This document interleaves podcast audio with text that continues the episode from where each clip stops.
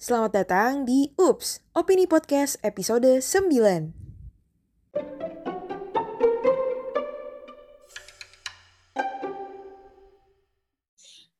Halo guys, bertemu lagi nih di Opini Podcast bersama aku Almira. Nah kali ini Opini Podcast hadir dan akan membawakan topik yang cukup berbeda dari topik-topik sebelumnya.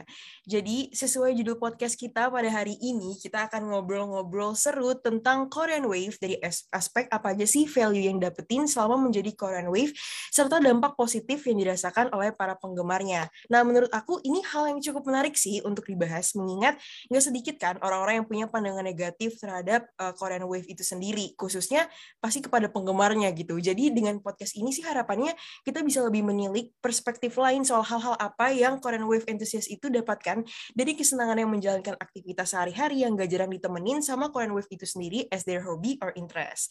Nah, tapi aku ngobrol panjang lebar tentang Korean Wave ini gak sendirian, tentunya aku bersama teman-teman lain nih yang udah bersedia untuk meluangkan waktunya ngobrol-ngobrol bareng aku di podcast pada hari ini. Nah, aku punya tiga teman spesial di sini yang akan menjadi pembicara juga di podcast hari ini. Ada Acel, Iren, dan TP. Nah, mungkin aku mau nih satu-satu dari Acel, Iren, dan TP bisa perkenalan diri terlebih dahulu.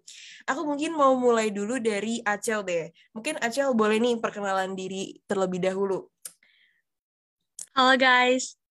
Hai Acel. ya. Hai. Eh, kenalin, uh, gue Rachel, biasanya dipanggil Acel. Uh, kalau di opini sih gue jadi ini sih staff online dari ah, Ilkom juga. Benar-benar. Salam kenal semuanya. Salam kenal juga Acel, bener banget. Jadi aku sama Acel uh, for your information sama-sama di online ya dan kita berempat ini uh, juga sama-sama dari ilmu komunikasi. Jadi ya semoga uh, seru lah ya obrolan kita hari ini. Nah, makasih banyak Acel tadi udah kenalin diri. Nah, selanjutnya ada uh, pembicara lain lagi nih teman aku ada Iren. Nah mungkin dari Iren boleh nih perkenalan diri dulu Ren. Halo semuanya. Halo Hai. Halo kenalin, nama aku Iren Adilia, biasa dipanggil Iren. Kayak yang Mira bilang tadi, aku uh, mahasiswa semester 4 ilmu komunikasi sekarang. Salam kenal semuanya. Salam kenal, Ren. Oke, seru banget. Tadi udah ada Acel sama Iren. Nah, tapi masih ada satu lagi nih yang bakal jadi pembicara di podcast kita hari ini. Ada TP. Nah, gimana nih TP? Halo. Halo Almira, halo Iren, halo juga Acel. Hai. Oke, malam Hai, semuanya. Oke, malam halo, juga. TP. Ya. Halo Acel. Oke, kenalin ya. Kayak yang tadi udah Almira, Iren, sama Acel bilangin, aku juga mahasiswa Ilkom semester 4 sekarang. Nama aku sebenarnya Tiara Putri, cuma lebih sering dipanggil TP karena Tiara ada banyak banget. Nah, kalau di Ovini sendiri, aku dari divisi Humas nih. Salam kenal semuanya. Salam kenal TP.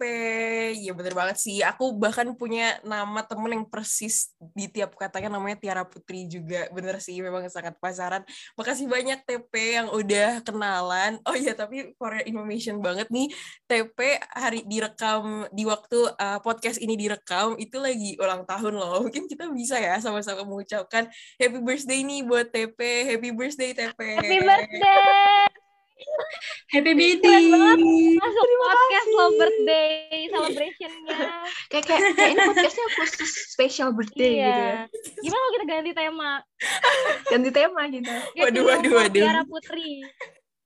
Waduh waduh, ide menarik sih ya ganti tema. Jadinya podcast biografi TP ntar. Nggak ngomongin K-pop yeah. ntar kita. Bisa kita generate a meet lain kali ya di episode lain buat birthday-nya TP. Iya mungkin kita harus ada, ada agenda lain ya. Bener, request bener. ya Mira, tolong ini request banget. Boleh banget, boleh banget. Dan ini kita harus ada agenda lain gitu ya untuk merayakan hari spesial TP nih. Wah, keren banget nih di hari ini TP ulang tahun. Semoga TP sehat selalu dan dipermudahkan selalu ya kuliahnya. Amin, amin, amin. Amin. Makasih Almira, Iren sama Aceh. Sama-sama. Oke deh, seru banget nih. Karena salah satu podcaster kita ada yang lagi ulang tahun, jadi euforianya semoga bisa lebih happy banget ya. Nah, oke okay deh.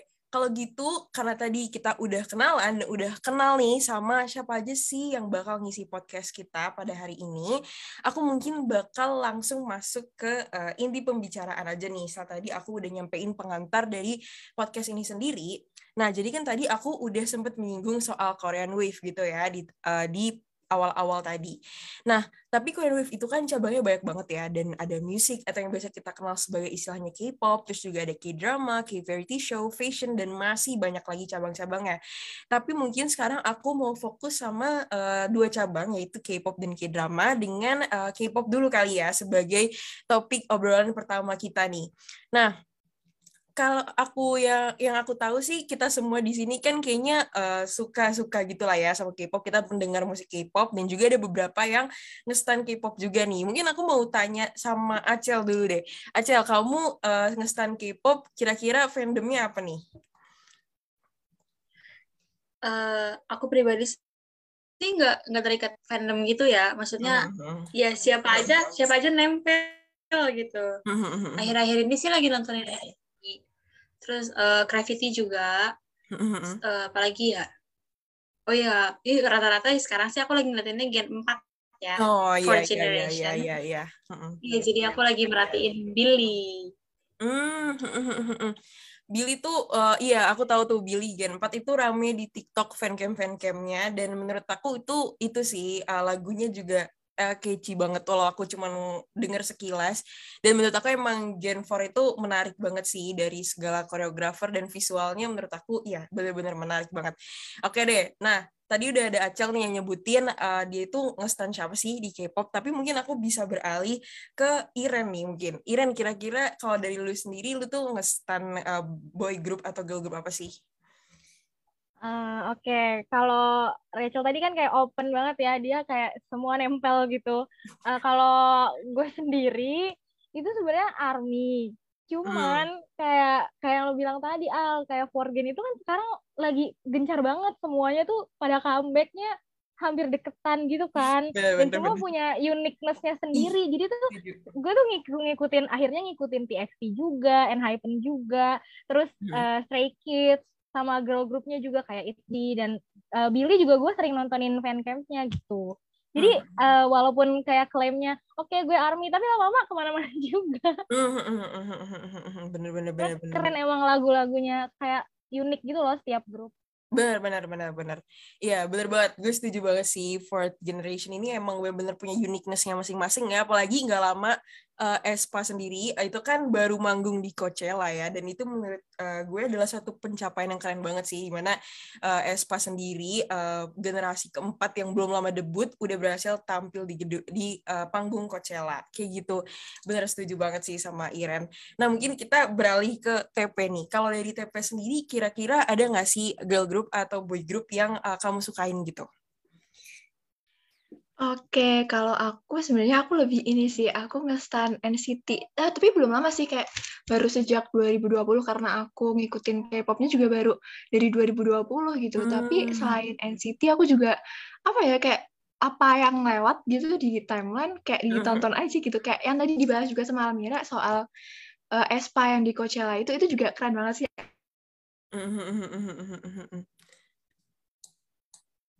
Eh, ini kayaknya TP halo Oke, kayaknya TP agak keputus ya. Gangguan kali ya. Iya, gangguan. Gak apa-apa, gak apa-apa. Hal yang lumrah terjadi. Gak apa-apa, tapi aku nangkep banget sih. Jadi bener ya, TP sependapat sama kita semua ya. Kalau misalnya fourth generation itu keren banget mau apa pun klaim kesukaannya. Kayak tadi TP bilang, uh, eh, TP suka sama NCT. Ya, aku juga jujur aku suka sama NCT. Tapi gak menutup kemungkinan aku juga kepo nih sama boy group atau girl group lain yang lagi sering banget diomongin. Kayak gitu sih. Nah, mungkin sekarang setelah kita udah ngulik-ngulik dikit tentang fandom-fandom dari tiap-tiap kita nih, kita semua punya masing-masing preferensi dari uh, grup band kita. Nah, aku sekarang mau lebih mengerucutkan dari topik uh, kita sekarang, yaitu tentang fan account. Nah, jadi uh, kalau misalnya tadi kita bilang kita Korean Wave enthusiast dari segi K-pop dan K-drama juga nantinya, pastinya gak asing lagi nih kayaknya kalau misalnya kita tuh punya fan account sebagai tempat untuk uh, apa ya tempat untuk seneng-seneng lah untuk seneng-seneng sama interest kita masing-masing di K-pop dan K-drama itu sendiri. Nah uh, kalau dari gue sendiri, gue tuh punya fan account. Fan accountnya itu khusus untuk nge-hype K-drama sih sebenarnya, nggak into K-pop banget. Nah kalau dari Acel, Iren, sama TP, punya nggak sih fan account yang khusus buat nge-hype K-drama atau K-pop yang sekarang lagi disukain gitu? Mungkin dari Acel deh. Acel lu punya fan account nggak? Dulu pernah punya. Dulu uh, tahun uh, gue tuh dulu aktif di fan account tuh tahun 2019 akhir. Hmm sampai tahun 2021 awal 2022 lah. Hmm, tiga tahunan lah ya? Ya lumayan lah. Lama tuh. Tapi itu kan maksudnya nggak nggak ya 2019 tuh gue nggak aktif aktif banget. Paling cuma ngeliat update bias doang. Mulai dari 2020 tuh mulai pandemi baru tuh nyari temen nyari hmm. nyari temen nyari musuh pun di situ. Unik nih nyari musuh. Kalau boleh ceritain kenapa tuh nyarinya malah nyari musuh bukan nyari. Gimana sih gregetan dapet ya, dapet musuh. Iya dapet aja gitu. Orang ngajak ribut tuh dapet aja. Kan ya biasa lah ya kayak popers tuh suka ngajak ribut kan. Biasanya kayak kita berkomentar ntar kadang fansnya ada aja yang nggak suka terus akhirnya berantem. Kan biasa nggak sih kayak gitu? Iya bener bener bener bahkan bener, bahkan gue sendiri yang udah misahin akun-akun gue kayak misalkan akun buat baca AU sendiri akun hmm. buat gembokan sendiri. Itu tuh kadang suka lewat loh tweet gue sendiri tweet gue di akun yang lain tuh oh. lewat di akun gue yang iya iya iya, iya itu kayak gitu tuh. Oh iya iya iya bener bener bener. Iya bener bener. Iya bener. Gue juga punya banyak banget account dan masing-masing tuh punya ini sih kekhususannya dan bener banget gitu. Bahkan kadang kalau misalnya gue nge-tweet di akun yang A tiba-tiba pas gue buka akun B itu ada gitu tweet gue dari akun A. Dan jadi kayak lucu aja sih nggak kayak iya, yang tuh, gitu, lucu banget sumpah. Dan gue jadi tertarik sih yang tadi lu bilang kalau misalnya K-popers itu tuh punya klaim orang yang ngajak ribut. Itu kayak bener banget gak sih? Kayak sebenarnya secara nggak langsung di Twitter tuh orang-orang orang udah kayak hampir apa ya udah nggak welcome sama K-popers karena adanya label ngajak ribut tersebut. Di mana kayak di Twitter gue tuh sering banget ngeliat orang yang kayak uh, apa ya memandang kayak K-popers nih orang yang kayak disenggol dikit marah gitu kan terus apa-apa ngajak ribut dan sebagainya. Dan kayak ya itu tuh udah hal yang akrab banget gitu gue denger di apalagi di Twitter kayak gitu. Nah kalau boleh tahu nih kan tadi uh, lu tadi katanya lu udah nggak ini kan udah nggak megang uh, fan account itu. Kalau gue tahu kenapa sih lu uh, akhirnya memutuskan untuk nutup fan account itu? Karena saking banyaknya orang berantem. Oh iya serius. Jadi jadi iya jadi uh, kan tadinya awal pertama kali gue buka tuh kan uh, dulu gue tuh army. Dulu gue tuh army. Hmm. Oke oke. Iya, betul lah. Sampai... Hai Besti. eh Besti. Jadi itu gue tuh ber, ber apa ngikutin banget Bangtan tapi dulu di IG kan sampai hmm. akhirnya gue bikin Twitter buat nonton ini pertama kali Bangtan di di mana sih di Amerika tuh di mana ya dia mereka dapat nominasi di acara Amerika iya. ah iya Billboard ah itu ya, gue mau nonton ini apa nonton streamingnya lewat hmm. Twitter kan tuh gue hmm. bikin tuh akunnya jadilah akun fan account army oh. nah terus uh, kan tapi karena gue belum nyaman sama twitter jadi gue tetap main di ig kan sampai akhirnya gue uh, nonton PDX Produce X101 mm -hmm. terus gue kepencut sama Mini oh iya iya terus akhirnya berubah lah fan account itu jadi akunnya Mini mm. bener-bener buat nge-hype Mini doang gitu. Mm -hmm. ya long short story tau lah ya grupnya gimana terus abis itu kan teman-teman gue yang tadinya nge-stand maksudnya pada stand X1 gitu jadi pada mencar kan pada hmm. maksudnya uh, karena grupnya udah nggak ada jadi nyari grup lain gitu loh buat di stand hmm, iya, iya, iya. ada yang masih tetap terus ada yang ke NCT ada yang jadi Dobby Dobby itu fansnya The Boys hmm. terus ada yang stand Stray Kids juga ada yang stand 80s terus uh, terus karena itu tuh karena saking campur aduknya hmm. gue yang tadi mau healing tuh nggak jadi pusing loh hmm. gue udah pusing sama tugas apa gue gue kan kuliah nih. Mm-hmm. gue udah pusing sama tugas. Terus pas gue buka twitter orang pada berantem semua. Akhirnya kayak capek gitu kan. Ya, bener, bener, terus akhirnya ya udah. Terus ya udah. Saking capeknya terus tiap hari kayak gitu loh. Bener-bener tiap hari kayak gitu. Entah berantemnya antar fandom lain ntar berantemnya sama fandom gue ntar berantemnya fandom sama fandom siapa. Ya udah akhirnya udahlah tutup aja. Jadi hmm. sekarang mainnya ya udah di akun akun ini doang akun pribadi akun private doang Hmm, iya bener. Jadi niatnya nih mau nyari kesenangan gitu ya di fan account, tapi malah ketemu yang ribut-ribut. Kayaknya gue relate banget sih sama itu. Karena gue kan punyanya ini kan, account khusus K-drama. Jadi gue sebenarnya nggak banyak nge-follow orang yang K-pop entusias gitu. Cuman gue yang timelinenya dominasinya adalah K-drama, itu aja kadang masih suka lewat gitu orang-orang yang lagi fan war. Dan gue juga sering mantengin dan kadang kayak, oh seru nih lagi fan war. Tapi kadang juga kayak, aduh fan war lagi, fan war lagi gitu. Jadi sebenarnya uh, ada sih titik capeknya juga itu bener banget sih kayak tiap hari. Oke, okay. nah kalau misalnya Iren sendiri, lu punya nggak sih Ren fan account Twitter khusus untuk nge-hype? Tadi lu kan ARMY, berarti khusus untuk nge-hype BTS. Kira-kira lu ada nggak?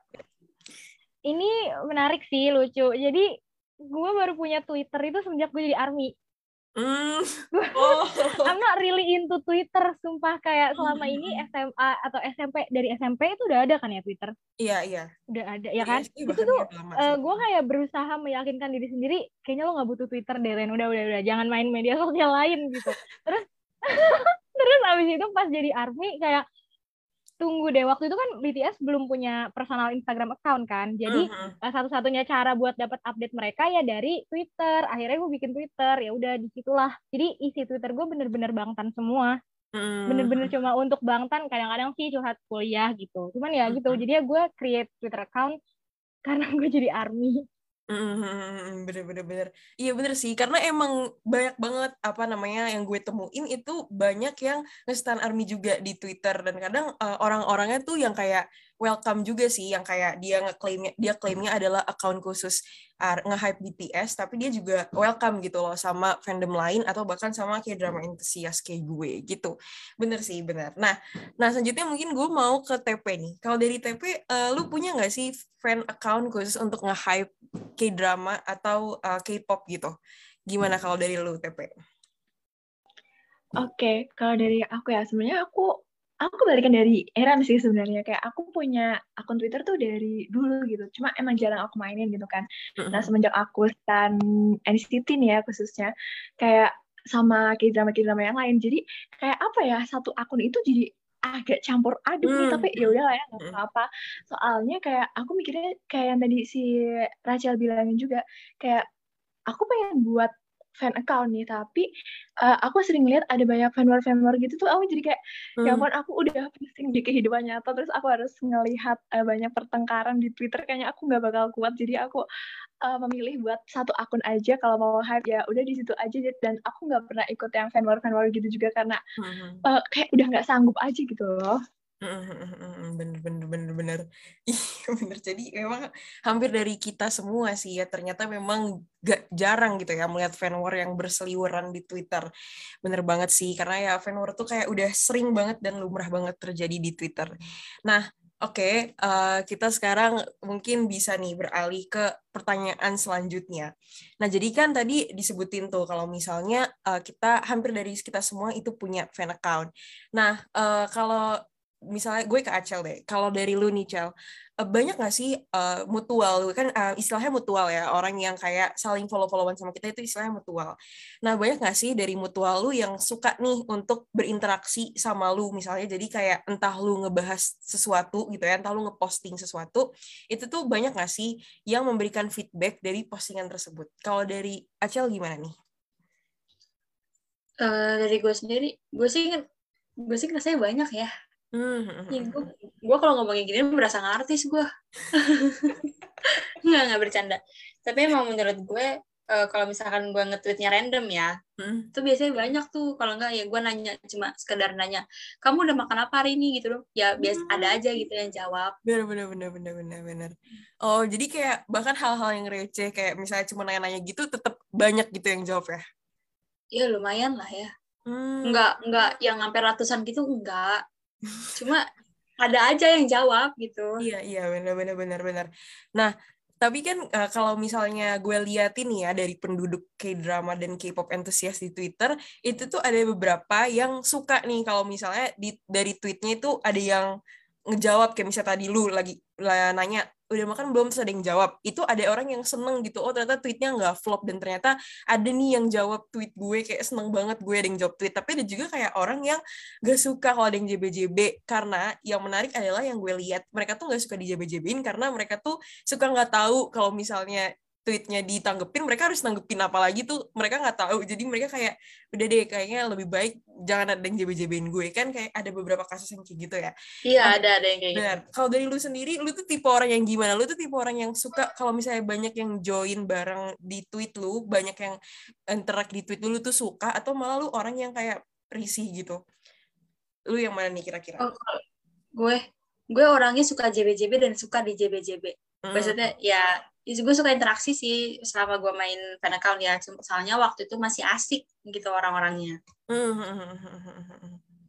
Jadi ya, paling bingungnya kalau misalkan apa udah kebanyakan nih yang masuk tab gue maksudnya uh, gue habis JBJB orang terus ada orang yang JBJB gue tuh kadang suka bingung tuh. Ini kita lagi bahas apa ya? Bentar bentar bentar. Yang ini kita bahas apa ya? Loh terus yang ini bahas apa gitu loh. Paling bingungnya di situ bang. Tapi gue suka sih JBJB mm. sama di JBJB Mm-hmm, bener. Lu suka sedih gak sih kadang kalau misalnya nih, lu tuh uh, ada satu akun yang lu tuh rajin banget nih kayak interact sama dia, tapi ternyata dia waktu lu observe lebih jauh ternyata dia ini nggak sesering itu gitu. Jadi kayak nggak timbal balik lu sering interact ke dia tapi ternyata dia nggak interact balik ke lu. Lu tuh pernah nggak sih nemuin yang kayak gitu? Dan kalau misalnya lu pernah nemuin yang kayak gitu perasaan lu gimana? Sering gue sering nemuin kayak gitu gue sering. Banyak. Bener tapi banget. ya ya udah biasa aja. Biasa selama gue selama gue JB-JB terus dia tetap jawabin JB-JBan gue mm-hmm. ya gue bakal biasa aja gitu. Kecuali kalau misalkan gue JB-JB dia terus dia JB-JB orang lain tapi dia nggak JB-JB gue itu gue baru sedih kayak mm-hmm. kok dia nggak jawabin gue kok dia nggak nanggepin gue ya ada aja sih pikiran kayak gitu. Bener banget dan ternyata akun gue yang sakit. Mm. biasanya gitu. Ah sakit tuh gimana tuh maksudnya? Maksudnya kayak apa replyan kita tuh nggak nggak masuk di main tabnya dia mention tabnya dia. Oh gitu hmm ya ya ya ya. Oh baru tahu baru tahu gue ternyata bisa kayak gitu ya. Janjian gue sama ini flop karena itu. Jadi gue sebenarnya kan juga uh, punya kan account fan act dan gue tuh sebenarnya juga tipe orang yang suka di JB-JBin dan gue sendiri juga suka gitu JB-JBin orang. Tapi ya itu sih kadang uh, sedihnya ya itu sih kalau misalnya gue kayak sering banget nih uh, interact di satu akun tapi dia ternyata nggak uh, interact balik ke gue. Kadang itu sedih sih dan kadang bener kata lu tadi misalnya gue interact satu akun dan banyak nggak cuman gue yang interact tapi dia ternyata nanggepin yang lain cuman dia nggak nanggepin gue itu sedih sih. Tapi tapi ya gak apa lah ya mungkin saking banyaknya atau mungkin uh, karena apa ya tadi lu bilang akunnya sakit mungkin kayak gitu kali ya ya nggak apa-apa sih oke okay. nah uh, kalau dari lu sendiri lu tuh memandang fan account sebagai apa sih misalnya mungkin sebagai uh, tadi uh, lu bilang kayak uh, tempat untuk berkumpul orang-orang yang satu interest atau mungkin ketemu orang-orang yang sefrekuensi atau gimana nih dari lu? Uh, gue. Mm -mm apa ya fan account tuh kayak tempat main sih tempat, tempat pelarian tempat ya. pelarian ya. tempat pelarian dari apa tuh pahitnya kehidupan Ije, indie banget jawaban lo. apa ya? Biasanya bukan bukan ya fan account gue biasanya buat tempat main, tempat pelarian tuh kayak biasanya kalau misalnya gue capek ya gue mainnya larinya ke situ gitu. Hmm, oke oke oke oke oke. Bener-bener sih, bener. Oke. Okay. Jadi dibilang pahitnya kehidupan ya bener, Mir. Bener kan? Bener, tapi ya bahasa lu indie banget. gue merasa. Oke, ya. bener kok. Ya, kesimpulannya adalah fan act itu adalah tempat pelarian dari pahitnya kehidupan. Nah, itu kan kalau Acel nih. Sekarang gue mau tahu dari perspektifnya Iren sama TP, kira-kira memandang fan act itu sebagai apa sih? Dari Iren dulu deh. Kalau lu sendiri gimana nih, Iren? Lu memandang tadi fan act khusus BTS itu sebagai apa sih? Uh, Oke, okay mungkin kalau misalnya uh, nanya ke gue agak gue ini agak ini ya agak apa ya katro gitu loh soal Twitter. Karena gue tuh jadi army angkatan pandemi loh Al. Jadi gue punya kehitung gue punya Twitter kan juga baru. Gue nih nggak ngerti dari tadi kayak istilah yang kalian omongin ini tuh apa sih gitu. Mungkin nanti abis selesai podcast ini gue bisa search kali ya. Jadi gue bisa menambah wawasan. Thank you so much Acel Almira. Nah cuman kalau tanya, aja. dari oke okay kalau misalnya gue ngelihat dari yang temen-temen gue yang punya fan account atau yang uh, gue follow gitu ya di Twitter, apa ya fan account tuh kayak tempat mengekspresikan fan girl life-nya mereka Hmm, nggak sih? hmm, Karena hmm, di di di real life di di real life mereka nggak bukan nggak mungkin ya dikit mungkin kemungkinannya mereka punya temen dengan interest yang sama sebanyak itu gitu. Jadi kalau ya kan kalau misalnya di Twitter atau media sosial lain mungkin eh, jaringannya tuh lebih luas gitu kayak lo bisa ketemu sama misalnya gue army lo bisa ketemu sama army nggak tahu di belahan dunia mana Hmm. di daerah bumi di bagian mana tapi temenan gitu jadi keren sih menurut gue orang-orang yang di fan account bisa segitu luasnya berinteraksi Hmm, hmm. keren keren keren emang bener-bener gue akui sih bener banget. Nah gue juga kayak gak jarang gitu ya menemukan kalau misalnya ada orang-orang yang berpendapat kayak mereka tuh lebih punya lebih banyak temen di fan account dibanding di real life itu sendiri.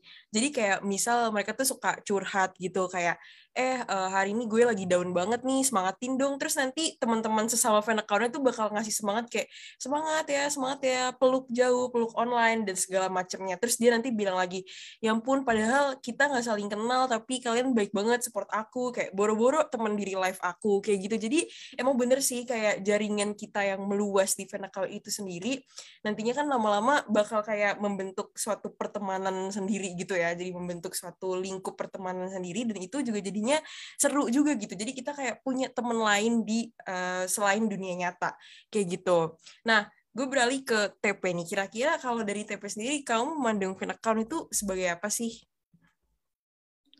Eh, Oke, Almira. Kalau menurut aku ya fan account itu kayak sebenarnya eh, punya aku ini kayak not so fan account gitu, tapi ada campur-campurnya. Tapi kalau aku lihat fan account punya teman aku nih, sama sih kayak yang tadi dibilangin Rachel sama Iren kayak di situ tempat eh, teman-teman fan girl ini mengekspresikan diri, terus kayak apa ya tempat cari teman baru juga gitu. Kayak aku lihat temanku nih sampai dia temenan sama sesama citizen nih. Dia tuh citizen jadi dia temenan sama sama citizen dan mereka tuh kayak sampai nonton konser bareng tuh kayak wah keren banget nih ya kayak temenan dari dari fan account ini sampai mereka bisa nonton konser bareng sampai mereka bisa curhat-curhatan bareng malah jadi kayak temenan temenan yang kayak apa ya emang udah beneran gitu ya? nggak virtual dari awal gitu. Padahal mereka dari fan account dan akhirnya mereka jadi kayak apa ya jadi lebih lebih dekat gitu dari fan account ini. Jadi emang menurut aku keren sih dari fan account ini bisa beralih dari jadi sahabat yang bisa saling support bisa saling ba- bantu-bantuin di sini di situ. Nggak cuma di apa ya nggak cuma di lingkup per fandoman itu aja gitu sih Hmm, bener bener bener bener. Setuju banget sih setuju banget tadi sama statementnya Acel, Iren sama TP kalau misalnya iya fan account tuh bener banget sih kayak the one and bukan the one and only juga sih sebenarnya tapi satu-satunya salah satu tempat yang memungkinkan kita sebagai fan girl dari K-pop atau K-drama itu untuk mengekspresikan kesukaan kita. Karena kalau misalnya kita ekspres di real life kan kayak apa ya agak eh, di mana nih media yang tepat gitu kan kalau di real life tapi se- sedangkan kalau misalnya di Twitter ada gitu uh, ada tempat yang memungkinkan untuk kita mengekspres dan ada juga orang-orang yang nantinya akan ngasih feedback dari uh, pengekspresian kita karena mereka juga punya interest yang sama kayak kita. Nah, emang seru banget sih kalau ngomongin fan act ini eh udah sumpah seru banget.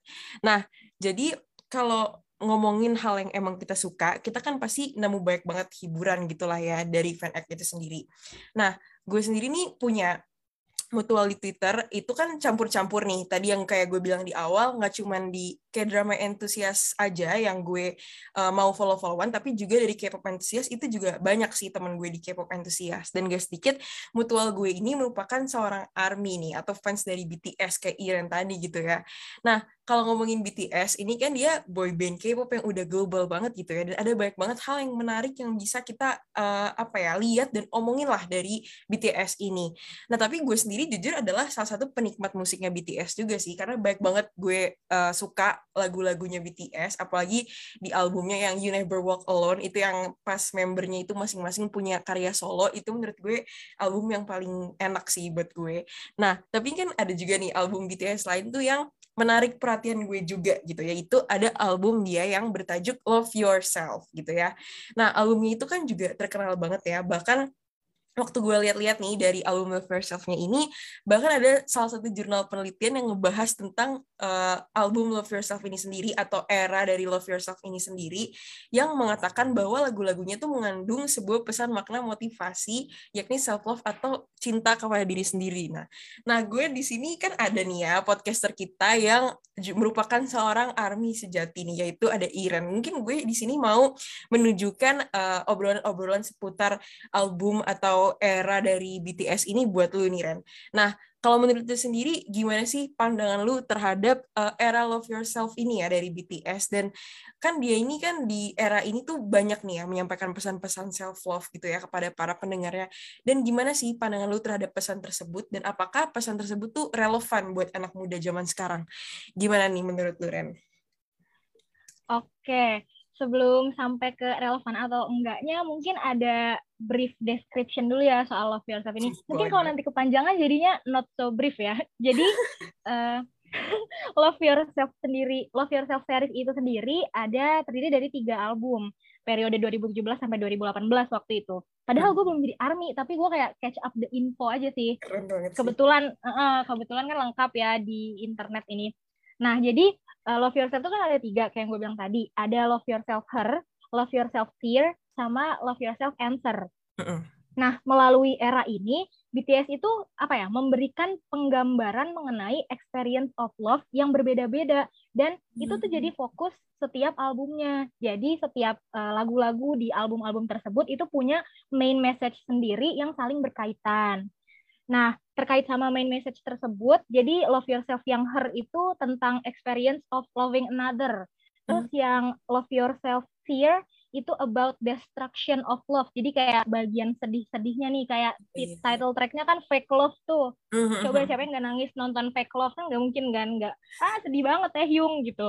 Terus di love yourself yang answer itu jadi kayak seperti conclusion atau answer dari fase-fase loving sebelumnya, hmm. di sini tuh di mana kamu sadar bahwa walaupun lebih sulit, kamulah yang seharusnya mencintai dirimu sendiri, cenah gitu.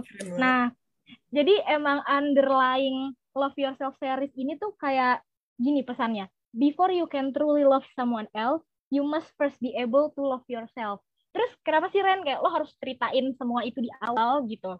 Jadi uh, gunanya gue ngejelasin soal tiga album tadi beserta underlying message-nya adalah biar teman-teman yang dengerin podcast ini mungkin army atau nggak tahu BTS sama sekali bisa bisa sama-sama paham bahwa melalui lagu-lagu mereka di series ini di Love Yourself ini BTS itu berusaha menyampaikan dan merangkai apa ya kayak stories pesan-pesan yang anak muda tuh gampang banget relate. Karena di usia-usia muda inilah gue bilang inilah karena kita muda kan ya di usia muda inilah itu kita melalui proses of self loving yang nggak mudah dan beda-beda prosesnya dari setiap kita masing-masing gitu al ini menarik banget sih bener-bener ini menarik banget karena selama ini ya gue cuma dengerin aja gitu tanpa gue uh, apa ya mau untuk cari tahu lebih lanjut tentang era-era dari Love Yourself itu sendiri dan ternyata menarik banget dan dia ternyata punya masing-masing pesan yang mau disampaikan untuk anak muda dan mencoba untuk ngerelatin pesan itu ya kepada anak muda sebagai uh, sebagian besar pendengar dari lagu BTS itu sendiri. Nah, kalau misalnya dari lu sendiri, lu paling suka era yang mana sih kalau gue boleh tahu nih? Oke, kalau dari Love Yourself itu, jujur gue suka yang tir sih, Love Yourself yang tir kayak, gue seneng aja sedih di, di era itu gitu. Gue seneng untuk sedih, itu menarik sih. Sedih. Gue seneng untuk kayak sedih banget, dan liriknya juga, uh, apa ya, jatuhnya bukan lagi menyentil gitu loh, udah kayak memukul, menendang oh. banget. Bisa ditampar gak sih? Teman-teman abis selesai uh, eh, dengar podcast ini bisa dengerin Fake Love by BTS ya. Promoting. Oke, oke, bisa dengerin Fake Love by BTS, keren, keren, keren. Nah, tadi kan uh, Acel juga sempat nyinggung nih di awal-awal kalau Acel itu merupakan uh, seorang army ya dulunya. Nah, kalau dari lu sendiri lu baru tahu juga nih kayak gue atau ternyata lu emang udah tahu dari awal kalau misalnya dari Love Yourself albumnya BTS ini sendiri ternyata punya sebegitu banyak pesannya yang mau disampaikan sama pendengarnya. Kalau dari Acel gimana nih? Gue dulu orangnya suka bacain teori-teorinya juga sih, jadi gue udah tahu Oh tentang iya bener, ini. bener banget salah satu yang Mereka tuh kas teori. Iya, kenapa tuh? ya eh, apa? Mereka tuh sebelum album Love Yourself ini, mereka tuh sering banget ngangkat tentang isu mental health, terus isu sosial yang ada di sana. Kayak lagunya ini, eh, lagunya BTS yang judulnya Bepsey, itu di album The Most Beautiful Moment in Life Part 2 yang gambar albumnya warna kupu-kupu. Eh, Hmm. warna kupu, warna saya kupu-kupu warna biru. Mhm. Kupu warna biru. Itu tuh nyeritain tentang eh, seorang eh, yang gue paham ya. Itu tuh kayak nyeritain orang yang lahir dari keluarga yang biasa aja, bukan Bepsey itu artinya sendok perak, Sendok perak, gue. iya. Apa sendok emas ya? Sendok emas kayaknya. Silver Pokoknya, kok, silver eh, spoon bener. Oh, ya, silver spoon. Enggak, berarti. eh, Sendok silver perak. spoon kan? Silver Iya. spoon kan? Iya. Sendok perak kan? Berarti Mhm. kan kalau misalnya di kita kan eh, sendok emas itu biasanya pakai orang-orang kaya, orang-orang menengah ke atas. Mhm. Kalau silver spoon ini tuh eh, yang pakai orang-orang yang menengah ke bawah gitu kan. Itu nyeritain tentang strata sosial yang itu yang gue pahamin ya. Mereka tuh sering kok bawa-bawa isu kayak gitu. Nggak nggak terpaku di cinta doang. Iya, benar benar. Ada ya mereka mereka tuh eh, BTS tuh se- sebisa bukan sebisa mungkin gimana ya. BTS tuh selalu mengeksplor hal-hal baru yang yang jarang dieksplor di masanya gitu. Iya, benar benar benar benar banget. Oke, eh, ini menarik banget sih. Iya, benar banget. Gue setuju banget kalau dan gue baru tahu juga gitu ya, ternyata BTS tuh bener-bener menggali banyak banget nilai sosial ke dalam lagunya gitu ya untuk menjadi sarana edukasi sekaligus inspirasi mungkin ya bagi para pendengarnya. Nah, mungkin gue mau nih dengerin dari TP. Kalau dari TP, lu tuh salah satu penikmat lagu BTS juga nggak sih? Atau lu yang kayak cuman sekedar tahu BTS aja?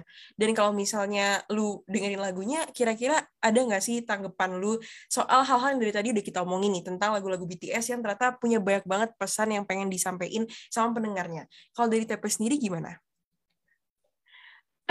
Kalau aku dari aku ya jujur aku apa ya sama sekali belum tahu soal BTS gitu kayak aku cuma Hmm, tahu-tahu aja nih BTS yang kemarin abis eh, mendunia, abis ke sini, abis ke sini gitu terus hmm, abis dengar cerita dari Iren, dari Aca sama Almira tadi aku jadi kayak wah ternyata lagu-lagunya BTS tuh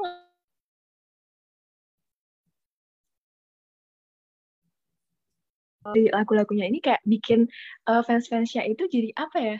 Jadi kayak tergerak hatinya gitu kali ya. Jadi bener, bener, bener. eh, makin suka sama BTS. Nah, aku, jujur aku belum tahu sama sekali soal BTS, tapi aku sempat dengernya Dynamite itu aja aku kayak baru Ah. tahu itu doang, tahu itu masuk Iya, kayak iya, iya, mana. iya. Tapi mungkin gara-gara denger ceritanya kalian, abis ini aku bakal Cik, abis podcast ini ada army baru. join circle kami yang kayak di sini nih. Kontak aku sama Acel ya, TP abis ini. kayak aku berguna. Untuk informasi lebih lanjut ya soal per BTS-an ini. menarik, menarik, menarik. Ini Jadi menarik. cari mutual nggak cuma di Twitter nih, bisa di podcast. Oke, jadi ini bisa uh, menjadi sarana nyari mutual yang baru ya ternyata podcast itu. Unik banget sih. Oke deh. Nah, oke. Jadi setelah tadi kita tuh udah tahu nih ya kalau BTS ternyata jadi salah satu penyanyi atau uh, boy group yang ternyata tuh punya konsep yang beda dari boy group lainnya di mana dia di situ pengen nih bikin tema lagu yang uh, janganlah cinta-cintaan terus gitu. Sekali-sekali kita harus bisa bikin lagu yang punya impact nih khususnya untuk anak muda yang jadi para pendengarnya mereka. Nah, mungkin sekarang gue balik lagi nih, nih ke Iren. Kalau misalnya dari lu sendiri, kan lu bilang tadi lu jadi ARMY di angkatan pandemi ya, berarti itu kayak kisaran tahun 2020.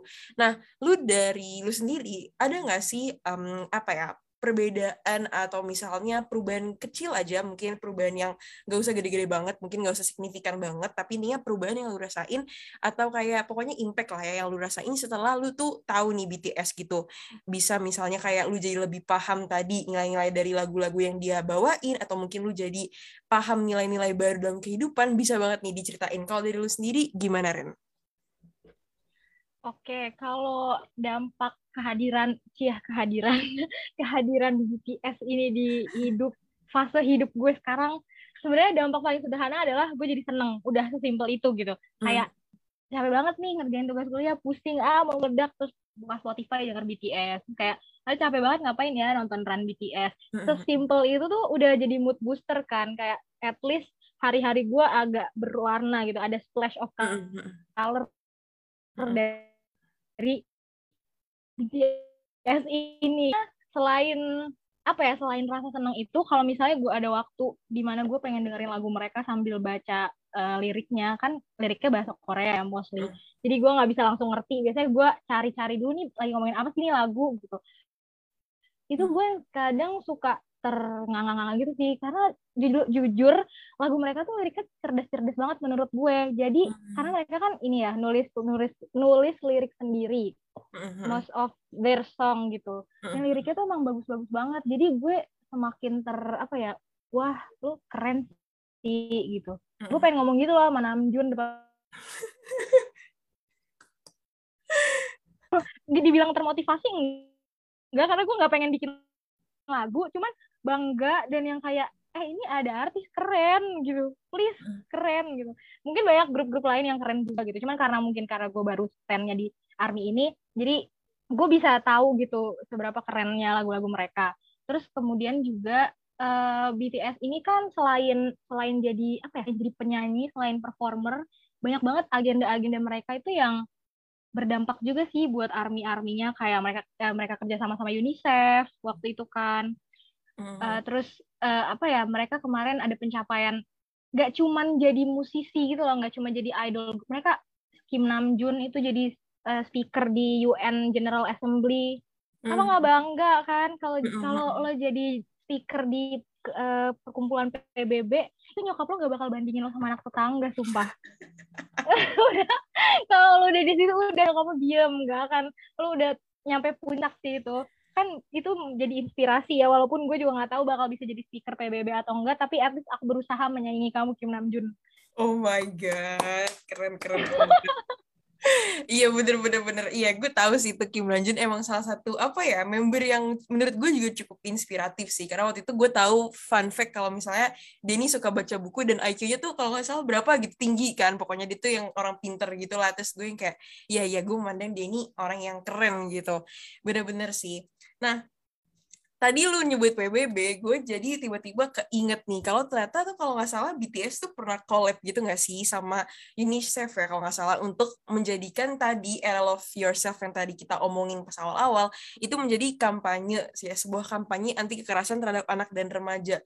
Nah, lu sendiri kira-kira gimana nih? Boleh nggak sih dijelasin sebenarnya campaign ini tuh tentang apa sih secara keseluruhan dan kayak bentuk-bentuk dari campaign ini tuh apa aja gitu?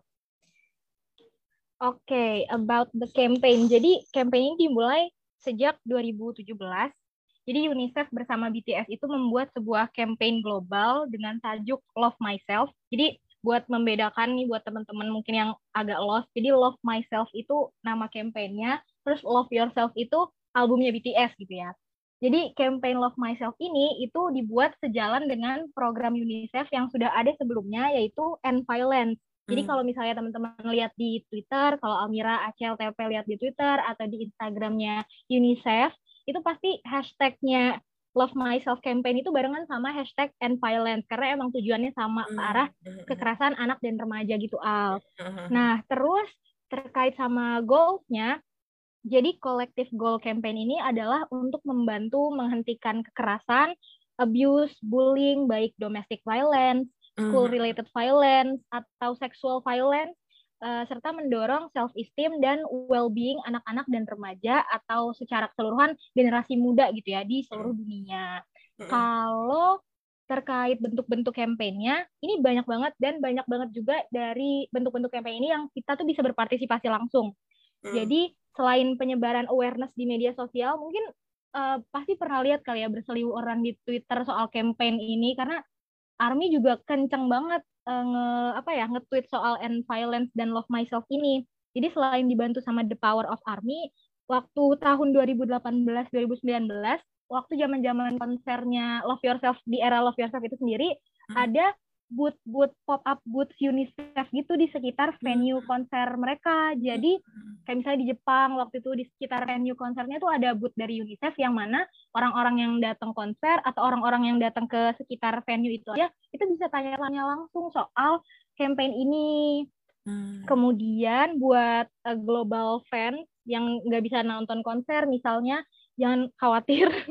Jadi ada 100% penjualan uh, merch khusus yang dibuat BTS itu masuk ke donasinya campaign and violence dan love myself ini karena kan pasti ada donasi ya campaign sosial kayak gini. Kemudian 3% dari penjualan physical album Love, Ser love Yourself series itu juga masuk ke dalam donasi. Jadi buat teman-teman yang di rumahnya ada album salah satu album atau beberapa album Love Yourself dan kalian beli, selamat karena kalian berarti udah berpartisipasi nih dalam campaign Love Myself ini. Berarti wah kalian donatur UNICEF loh gitu.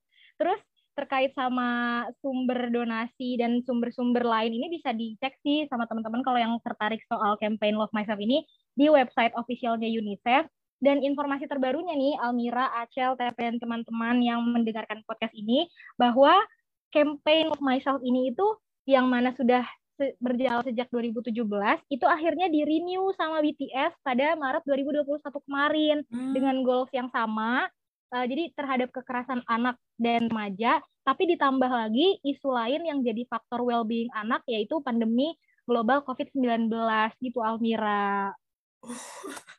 menarik banget.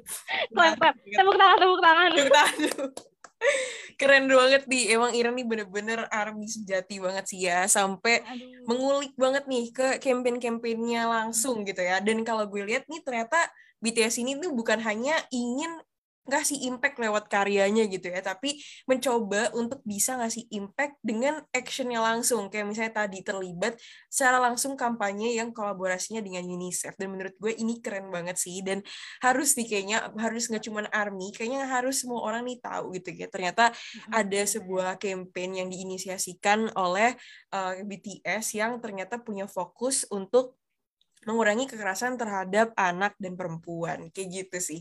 Keren banget keren banget. Gue masih speechless. Oke okay deh. Oke okay deh. Kalau gitu tadi kita udah dapet info-info yang penting banget dari sekitar BTS kita udah ngomongin banyak banget soal lagu-lagu dari BTS dan soal campaign yang diusung sama BTS yang tadi udah kita obrolin panjang lebar.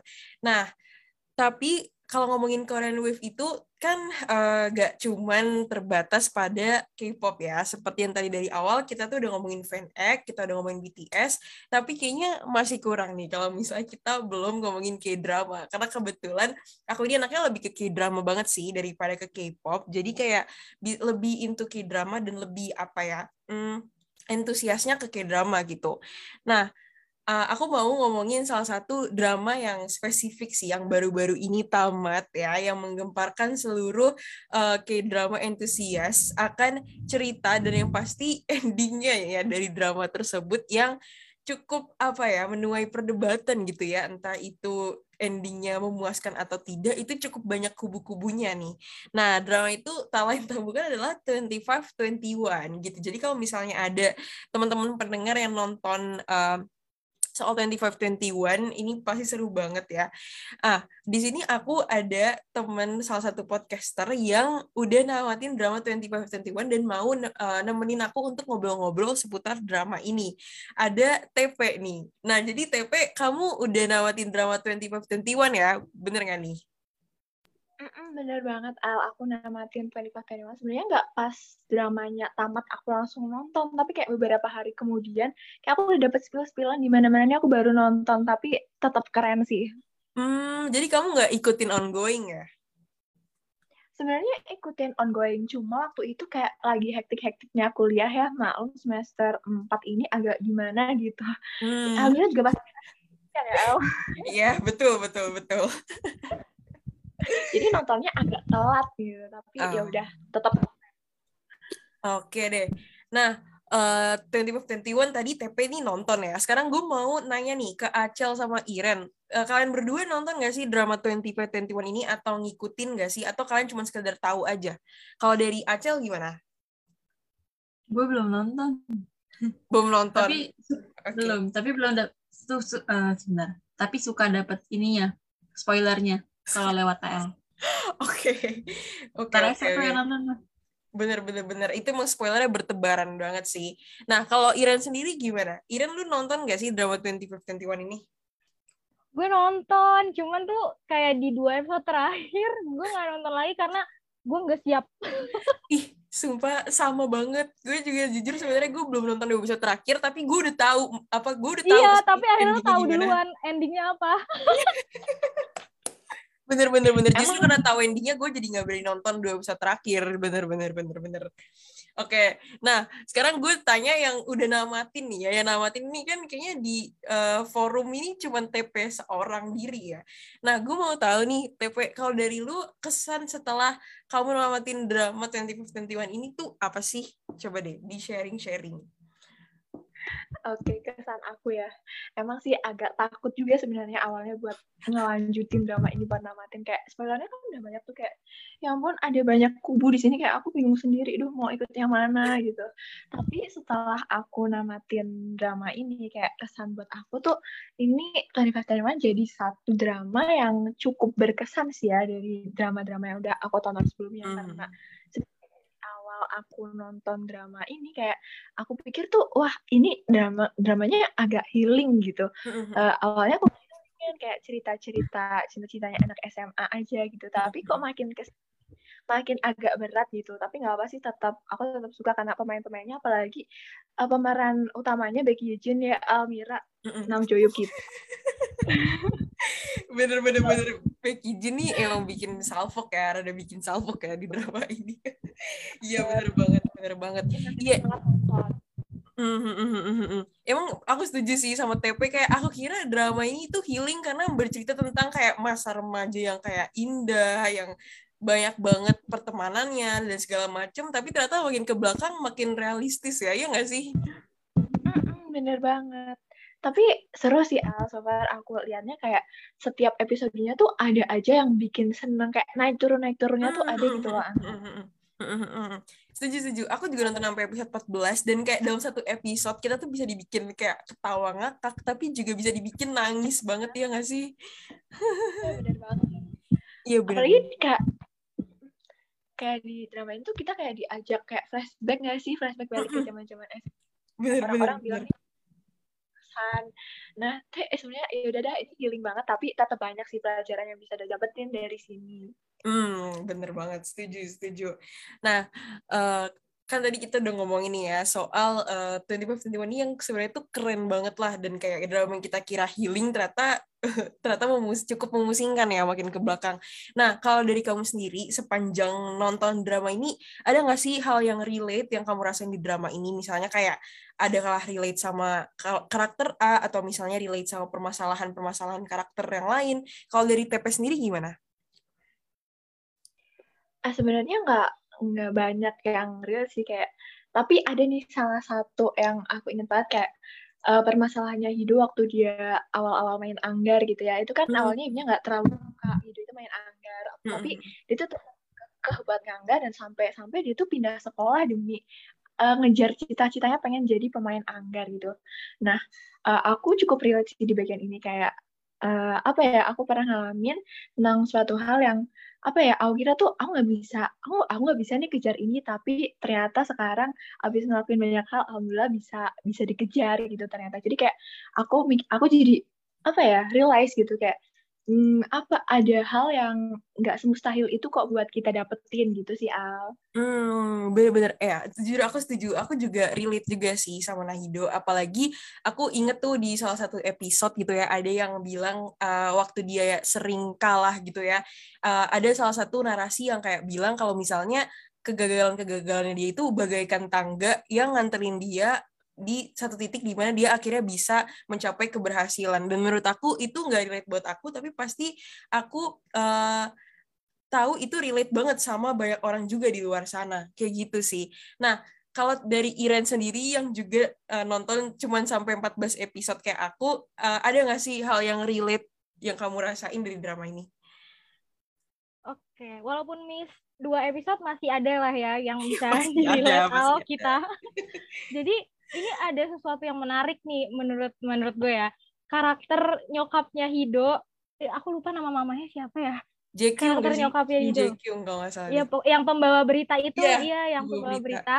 Waktu jadi mam- banyak banget nih kalau di temen-temen gue ya, di antara temen-temen gue tuh banyak yang bilang kayak mamanya Hido ini kayak jadi salah satu faktor yang nyebelin banget nih bisa menghambat karirnya Hido karena dia tuh nggak terbuka, nggak suportif gitu kan. Jadi orang tua tuh kayak nyebelin lah.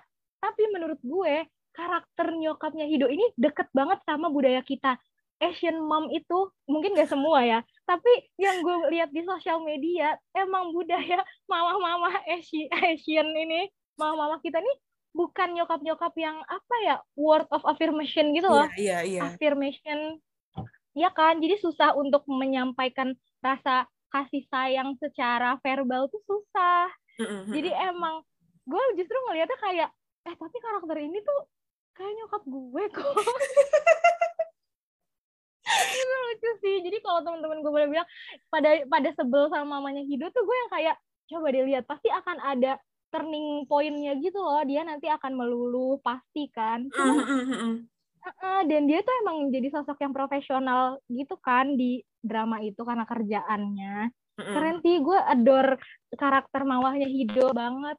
Iya, iya, gue gue jujur gue juga apalagi di satu episode yang kayak yang inget ya sih yang uh, episode di mana yang Hido tuh kayak kesel gitu mamanya seakan-akan nggak peduli dan udah ngelupain soal uh, ke, uh, papanya papanya yang udah meninggal. Tapi pas di satu episode itu uh, akhirnya mamanya tuh kayak ngasih tahu ternyata selama ini dia tuh juga kehilangan gitu. Dan dia selama ini cuma nyembunyiin rasa kehilangan itu. Dan menurut gue itu salah satu episode yang sedih sih menurut gue. Lu nonton sampai situ kan, Ren?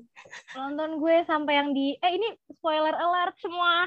Oh iya. gue nonton gue nonton sampai yang di kuburan di kuburan papahnya uh, mama Hido kan nangis ya kan itu yang gue hmm. bilang kayak turning pointnya dia meluluh karakter dia meluluh itu gitu karena apa ya gue ngerasa Hido ini juga sorry banget Hido tapi lu juga nggak boleh egois karena nyokap lu tuh memikul beban yang lebih banyak, banyak gitu loh. ya, ya, soal ya. kenangan sama papahmu itu dia memikul beban beban yang lebih banyak dan pasti lebih sedih menurut gue. Cuman ya demi kehidupan kalian untuk maju pasti nyokap lu tuh iya, iya, apa ya mengorbankan perasaan itu untuk nggak ditunjukkan sama anaknya nggak sih? Menurut gue keren sih karakternya. Bener bener bener keren. bener bener bener karena ini walaupun kita nggak tamat tapi ini ada banyak banget hal yang masih nempel gitu di drama ini. Saking drama ini cukup masterpiece gitu. Nah bener banget sih. Gue juga suka banget sama uh, karakter development ya kayak kita sebut dari uh, karakter-karakter di sana. Salah satunya adalah mamanya Hido dan juga rivalnya si Nahido si Koyurim. Itu itu gue dua karakter yang gue paling suka banget sama karakter developmentnya. Nah jadi gue mau membahas lagi soal ending nih. Lagi-lagi kan yang namatin drama ini cuman TP seorang ya.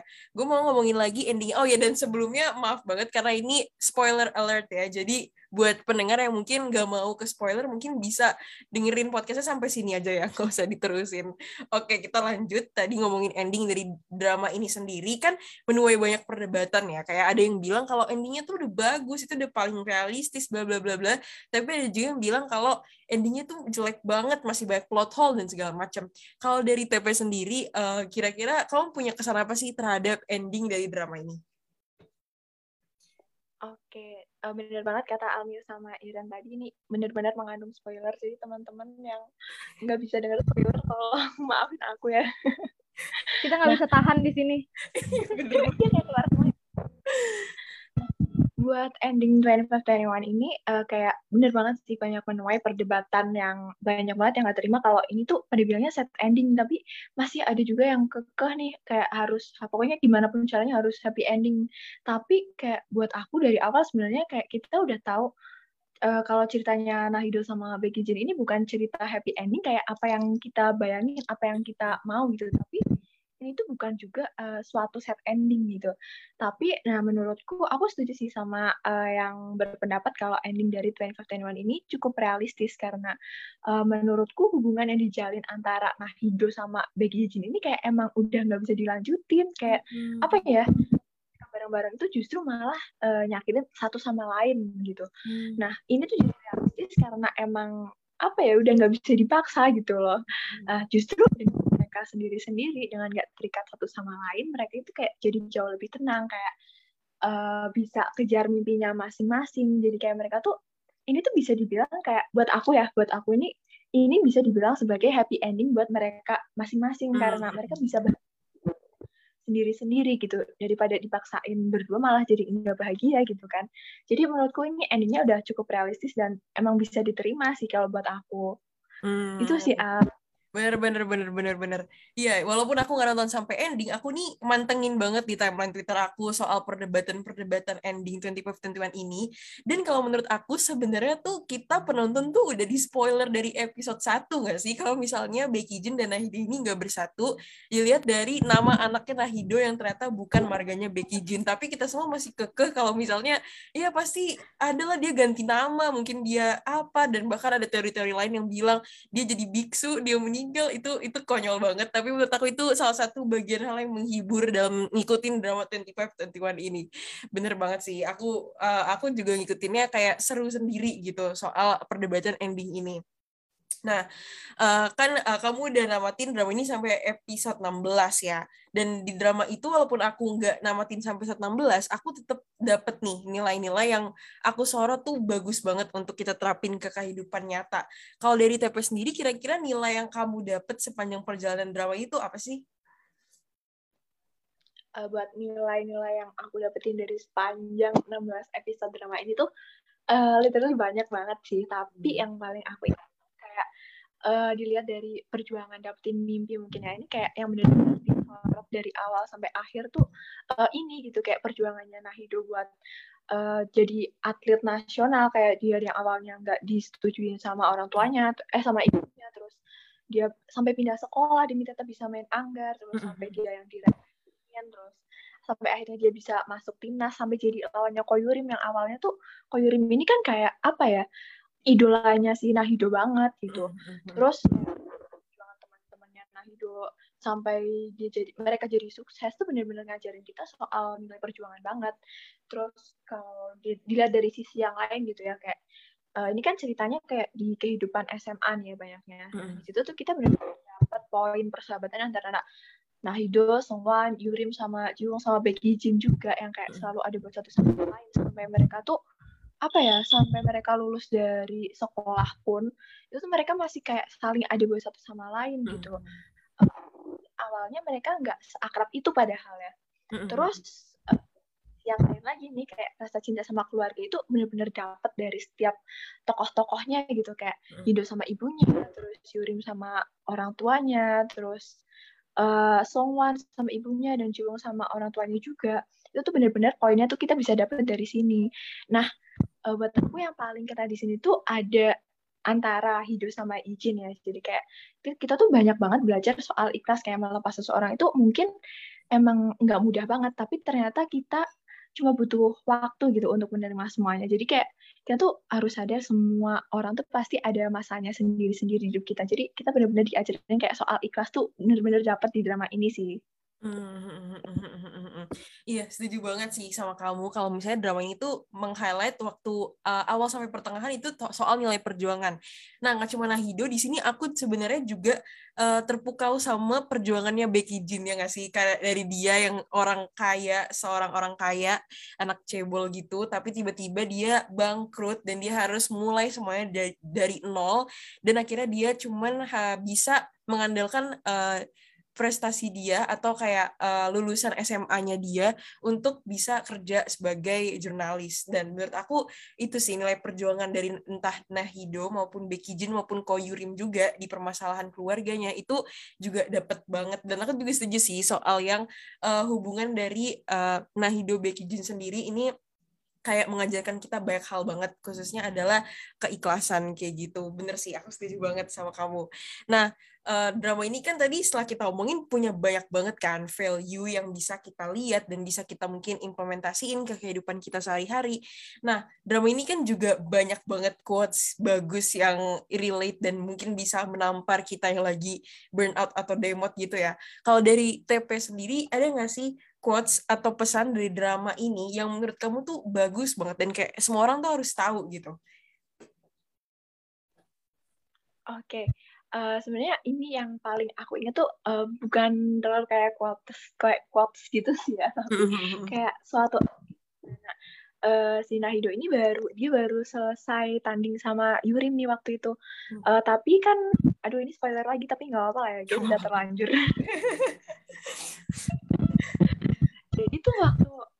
si Hido sama Yurim baru tanding terus Hidonya menang tapi Yurimnya nggak terima. Terus kayak banyak banget pendukung Yurim waktu itu yang nggak terima juga karena kemenangannya Hido ini.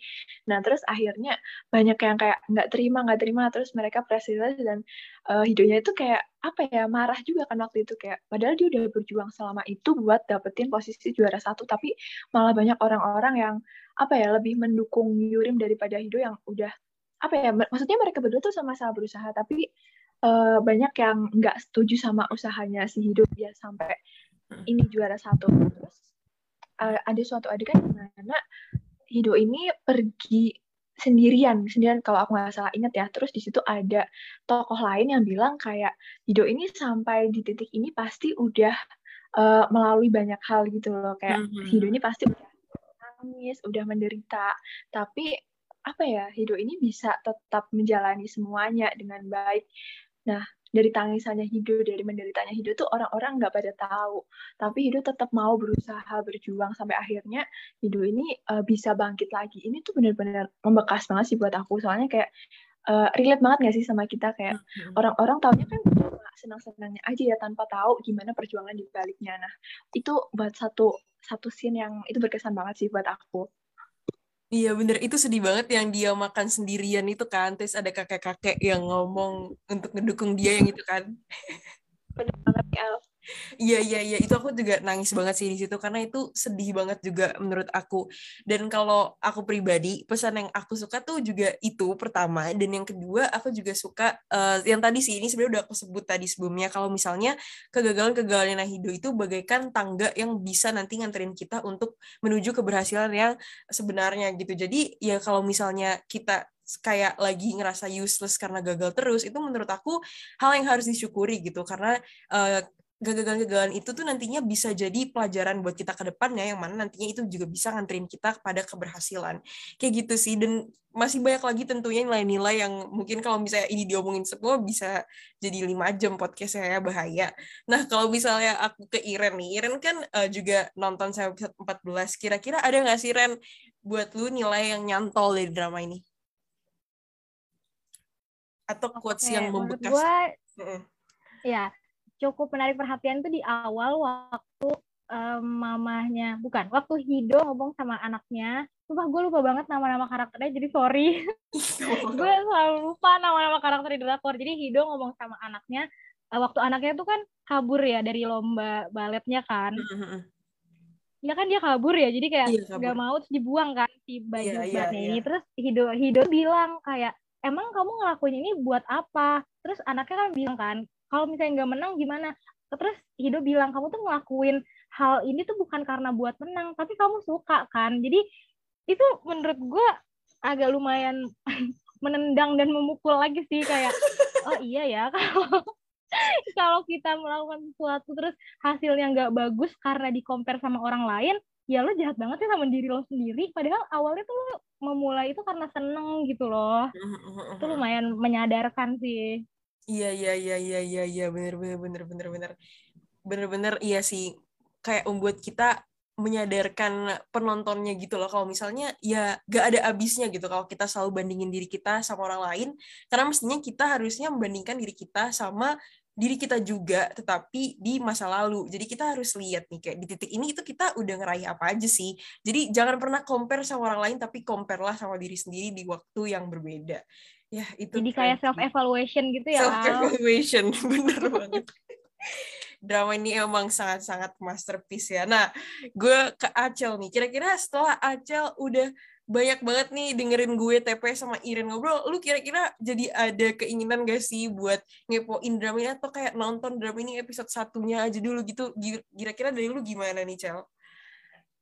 Gue tuh emang dari awal pengen lo nonton 25-21 ini. Dari hmm. dari awal uh, rilis. Cuma kan gue biasanya nungguin filmnya selesai dulu ya. Nungguin dramanya selesai dulu biar langsung maraton, nggak nunggu-nunggu lagi mm. karena nunggu kan gak enak, nunggu tuh gak enak. Nunggu tuh gak enak. Jadi okay. penasaran tiap minggu tuh gak enak gitu. Jadi bener, bener, bener. apa niatnya tuh habis dramanya selesai mau mau gue tonton. Cuma karena udah terlalu banyak banget spoiler yang gue terima, yang gue baca di timeline Twitter gue, gue jadi males Hmm, iya, karena udah iya. tahu maksudnya endingnya ya ujungnya mereka nggak bareng Mincia juga bukan anaknya Becky Jin kan Iya, iya, iya. tapi Ini tetap bakal ditonton sih spoilernya mungkin ini nanti. spoilernya agak di spill nih. Bener bener bener bener. Oke oke oke. Iya bener sih. Kalau misalnya ada dapet back spoiler tuh kayak vibesnya tuh kayak udah hilang gitu. Tapi gak apa-apa sih. Kayak dari twitter twitter tuh banyak banget sih cel. Kayak lu bisa mantengin plot story dari twitter sama orang yang ngebuzzer dramanya itu bisa banget lu pahami dari tweet-tweet fansnya 2521 ini. Biar lu memahami cerita tanpa menontonnya keren keren Mm, tapi tetap bakal gue tonton cuma nanti pas Oke. udah nggak sibuk aja sip banget. Kayak ini tuh harus banget sih ditonton sama semua orang karena menurut gue ini bisa relate gitu loh sama semua orang karena emang ini tuh yang deket banget gitu lah sama kehidupan dramanya. Kayak gitu sih. Nah, oke deh. Mungkin ini kayak udah gak kerasa kita udah ngomong ini hampir dua jam gak sih? Ini seru banget kita ngomongin banyak banget hal soal K sama K-drama.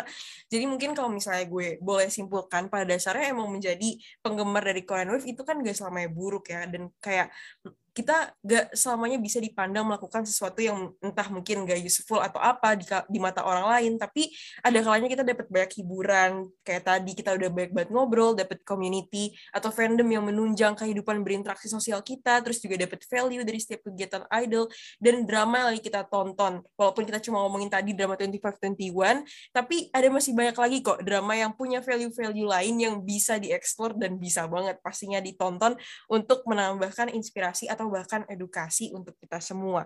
Jadi ya pada dasarnya semuanya tergantung sih gimana masing-masing individu bisa memilih dan memilah informasi serta hiburan biar bisa menjadi pribadi yang positif kapan pun dan di mana pun kita berada. Oke, mungkin dengan berat hati, sepertinya opini podcast episode 9 ini harus disudahi. Terima kasih banyak buat uh, pende para pendengar yang udah setia mendengar podcast kita sampai habis. Dan pastinya aku juga mau ngucapin terima kasih banget buat Acel, Iren, dan TP yang udah bersedia jadi podcaster dan mau uh, menyediakan waktunya di tengah-tengah kesibukan kuliah. Mungkin aku benar-benar mau terima kasih banget sama kalian bertiga dan makasih banyak ya semuanya. Semoga kita bisa bertemu di episode lain di Opini Podcast dan sampai berjumpa lagi. Bye bye. Aku Almira pamit undur diri. Sampai jumpa.